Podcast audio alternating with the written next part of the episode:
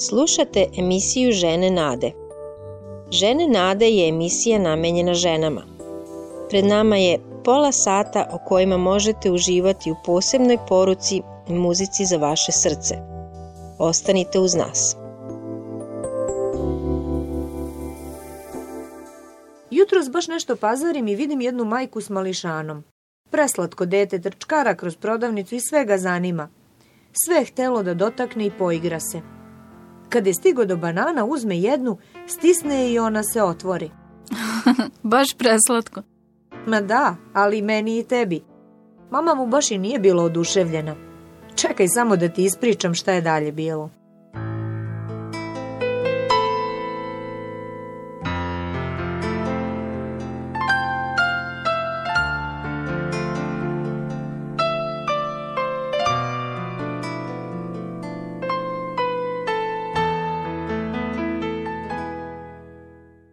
Drage naše slušateljke, dobrodošle u emisiju Žene Nade. Drago nam je da ste sa nama i ovaj put. Stvarno se radujemo. Dobrodošle. Ja sam Biljana i sada bih zamolila Tanju da ispriča šta se dalje dešavalo u prodavnici s onim Elišanom, njegovom mamom i bananom. Pa počela je da viče na njega i časti ga izrazima budalo, glupane, idiote, kako možeš da budeš tako užasan? Urlala je na njega.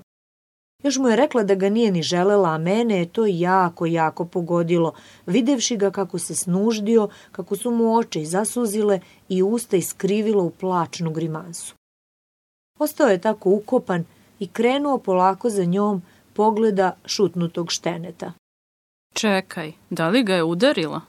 Ma nije, ali ga je rečima samlela. Šta mu je sve rekla u besu? Uh, Kako je strašno kad povređujemo jedni druge nečim što nam na srce utiče kao i metak na telo. Baš je tako. Naše reči su ponekad kao strele koje se bolno zabadaju. Ima i onih koji misle da su debelokošci, pa se isključe i ne slušaju šta im ko govori. Ali mislim da je to pretvaranje. Reči povređuju. Da li si ti nekada bila povređena na ovaj način? U, još pitaš. I danas pamtim šta su mi govorili dok sam bila mala. Recimo, godinama nisam takla slatkiše samo zato što me učiteljica nazvala prasicom kad me je videla da ih jedem.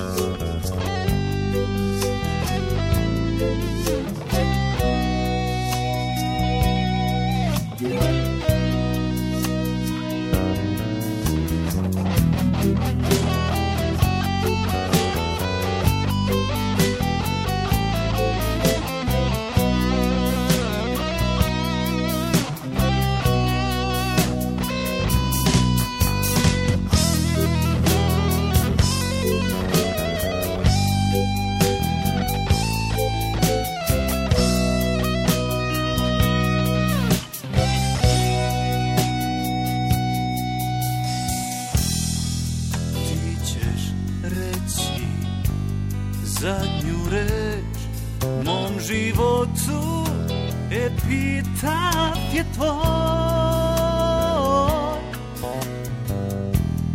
Pepeo i prah Biser i sjaj. Sve sam bio Al sada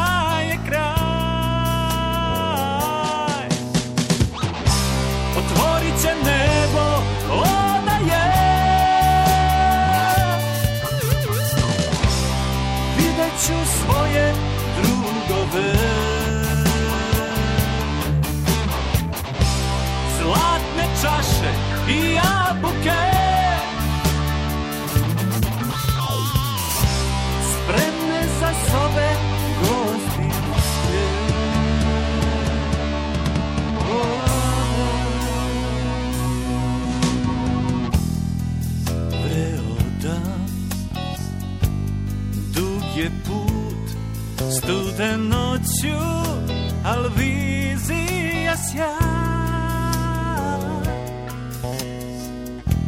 Ja nikad nisam hteo biti jak, niti vojnik, nit mornar, nit kraj. Znakovi kraj puta prolaze,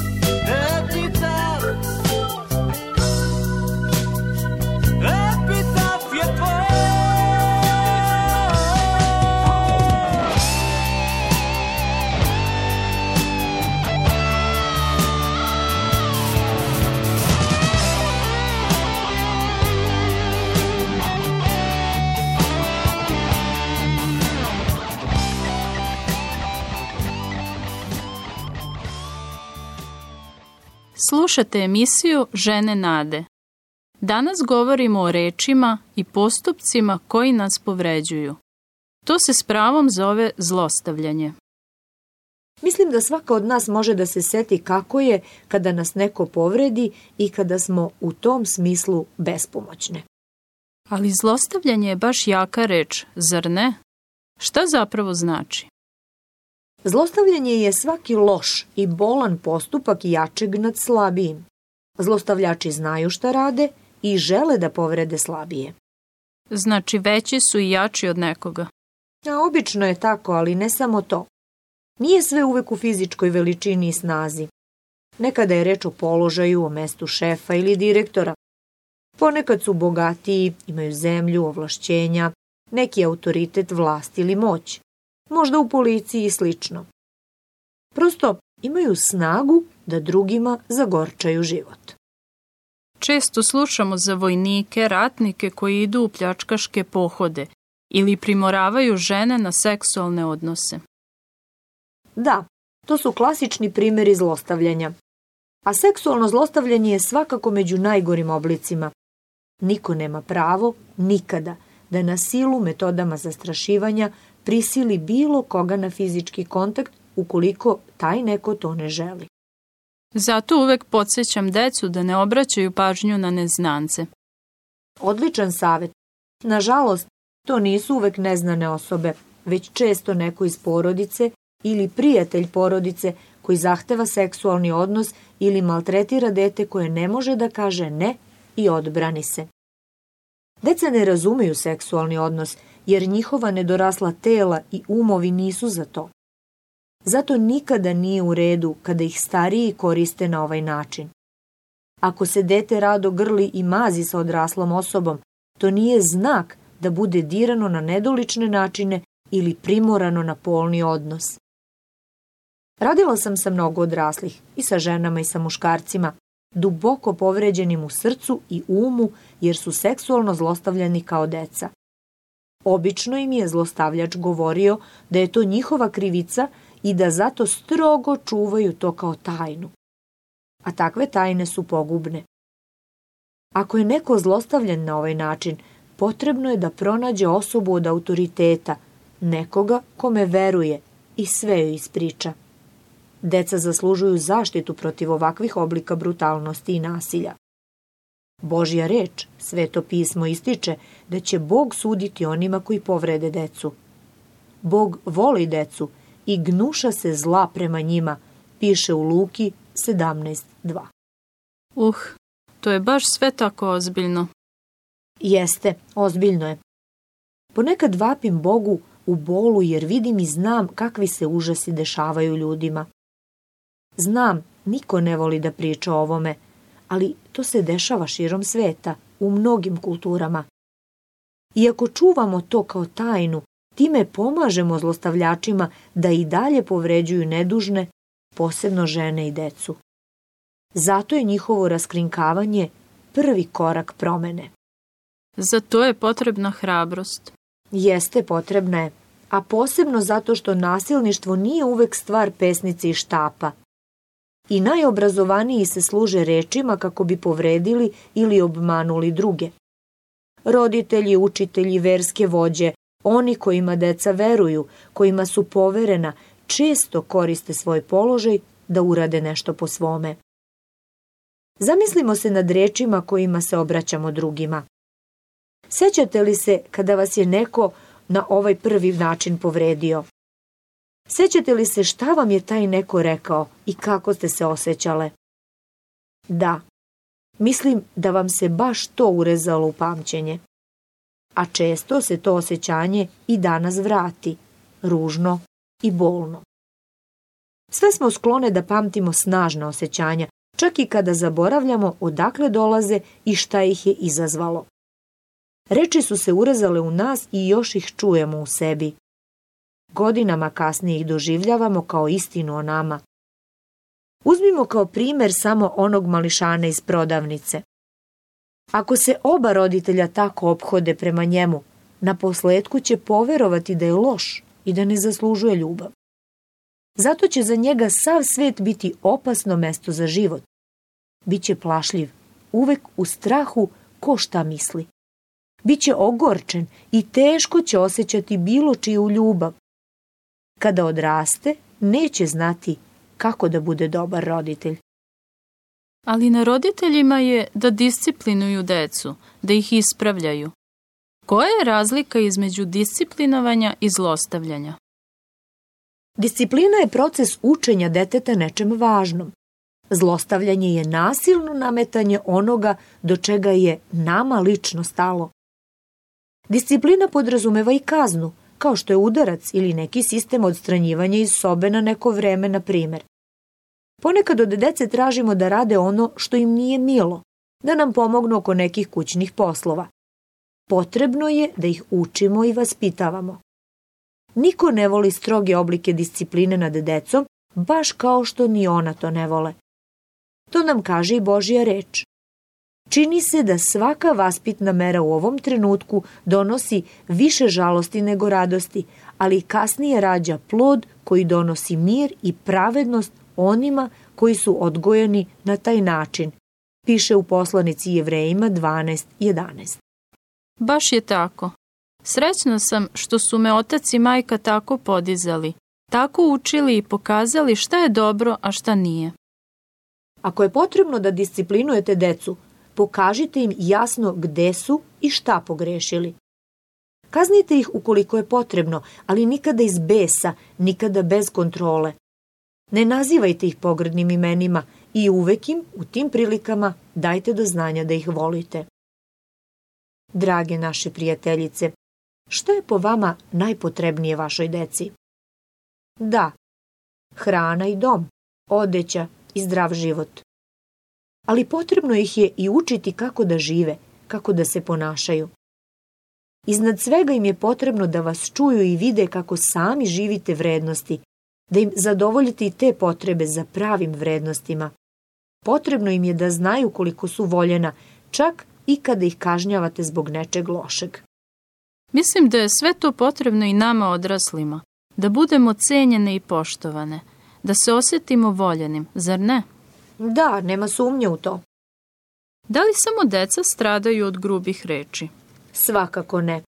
Svako od nas može da strada i strada kroz život od nekih reči. Recimo, ako radimo ili živimo sa ljudima koji nas omalovažavaju, zajedljivi su i osorni. Najgore je kada nam se tako obraćaju oni koje volimo, od kojih zavisimo, kada nam kazuju neke neistine i grubosti. Dakle, što bi rekla ona mudrost, ubi nas prejaka reč. Ona stvarno zna da rani.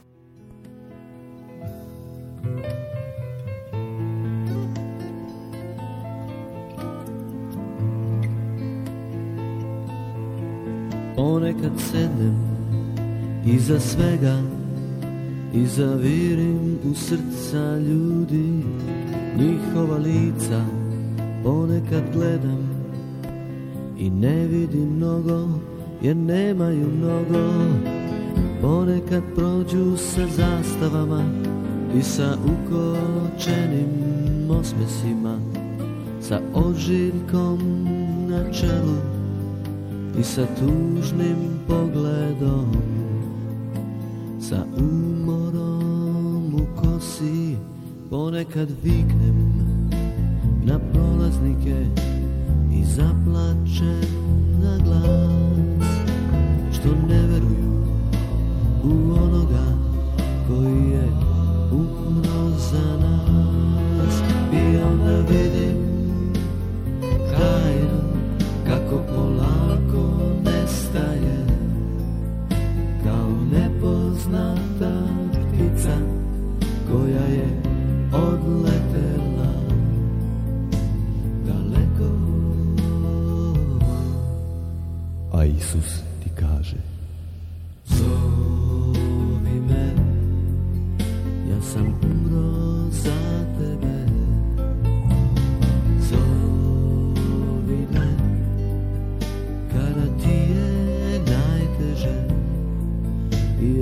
živim i postojim.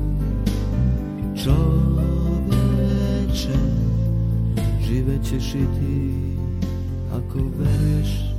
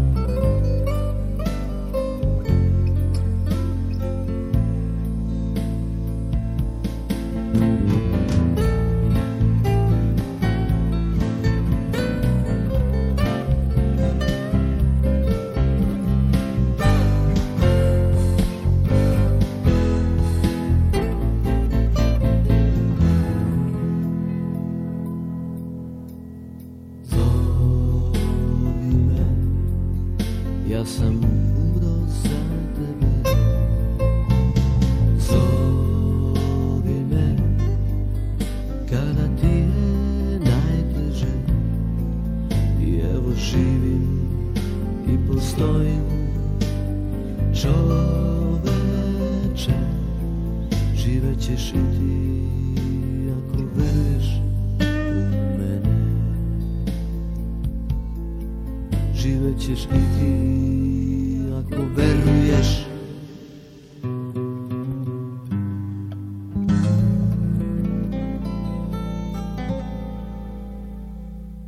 Recimo sada nešto o tome kako Bog vidi zlostavljanje.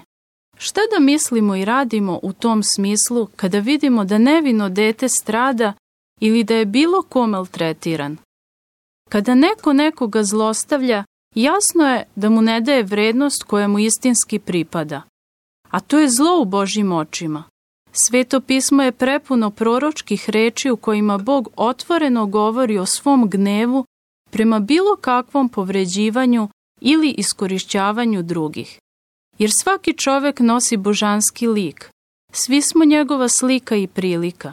Sve nas je stvorio posebne i nismo bezlične stvari. Ličnosti smo i Bog želi da nam bude prijatelj. Bog nam je poput najboljeg roditelja i oca i majke. Toliko nas voli čak i kada grešimo. Preko proroka Jeremije nam poručuje – da nas voli večnom ljubavlju i zato nam je stalno milosrdan. Kroz život nas uči raznim lekcijama koje nas popravljaju, ali nikada se ne okreće od nas. Ne napušta nas i nije okrutan. Poručuje nam da za nas ima dobre dane, naume za našu budućnost. Ako vas bole neke i nečije grubosti, bilo verbalne, bilo fizičke, recite to Bogu. On leči najbolnija sećanja i umesto njih nam govori reči ljubavi. Ako ste baš sada zlostavljane s nečije strane, ne verujte u te laži. Recite sebi istinu.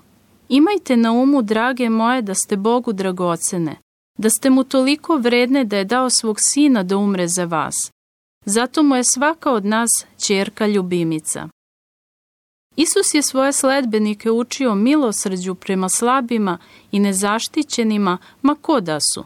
Pokazuje kako postajemo zaštitnici slabih, onih koji govore za neme, obespravljene. Zato je štitio i žene i decu. Išao je siromasima, odbačenima i žigosanima. Evo istinite priče prema zapisima evanđelja.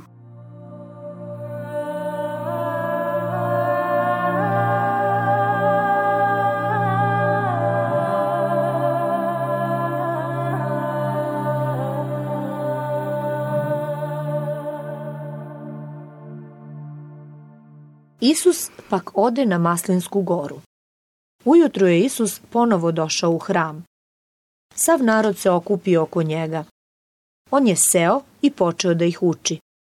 A fariseji i znalci svetog pisma dovedu neku ženu uhvaćenu u preljubi i postave je u sredinu. Zatim su rekli Isusu, Učitelju, ova žena je uhvaćena u samom činu preljube. Mojsije nam je u zakonu zapovedio da takve žene kamenujemo, Šta ti kažeš na to?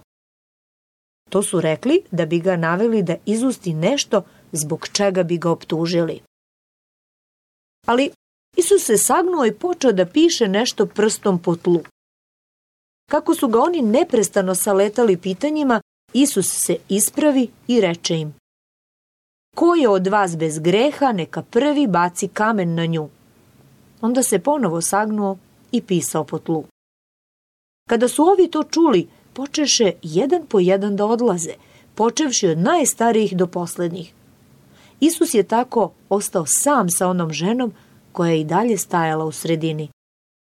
Isus se zatim uspravi i upita je. Ženo, gde su oni? Zar te niko od njih nije osudio? Niko, gospode, odgovori žena. Isus joj reče, ni ja te ne osuđujem idi i od sada ne greši više.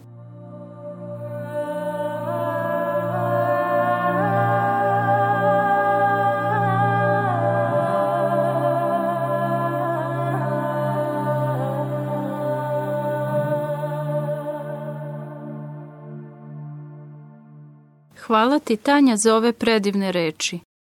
Neka nas one sve podsjete koliko smo dragocene Bogu. Ali hajde da ovde zastanemo na tren i pomolimo se. Molite se i vi, drage žene nade koje sada ovo slušate. Dragi Bože, hvala ti što je tvoja ljubav bolja i od očinske i od majčinske ljubavi. Molimo te, operi nam krivicu greha, jer je Isus Hristos poneo našu kaznu na krstu.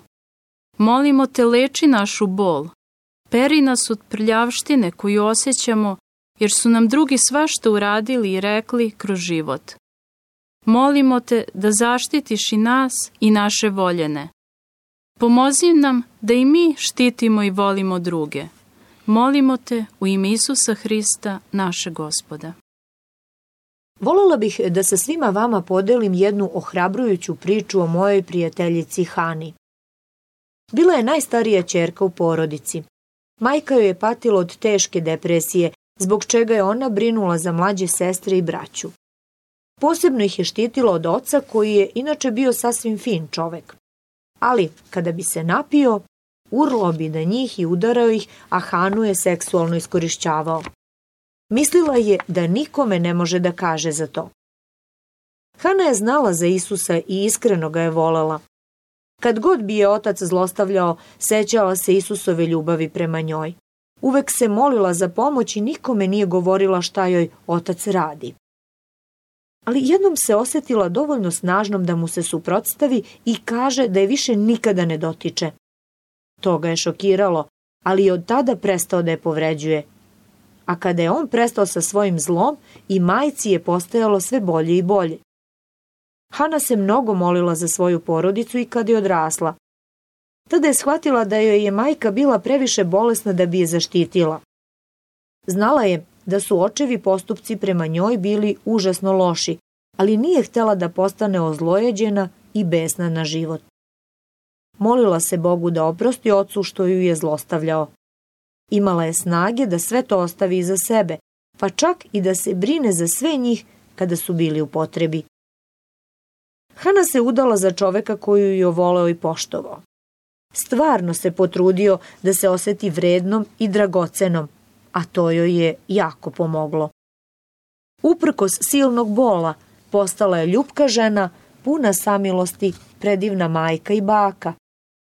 Bog je zacelio sve njene rane i povrede uma i duha. Kao takva je mogla i drugima da pomaže, posebno onima koji su stradali na isti način. To je divno svedočanstvo. Ono nam istinski daje nadu. Bog je tu i brine se u svim okolnostima. Ako biste želeli da saznate više o Isusu i njegovoj zaštiti, možete da nam se javite na telefon 062 396 331. Vreme je da se rastanemo, drage žene nade. Radujemo se sledećem susretu. Do slušanja.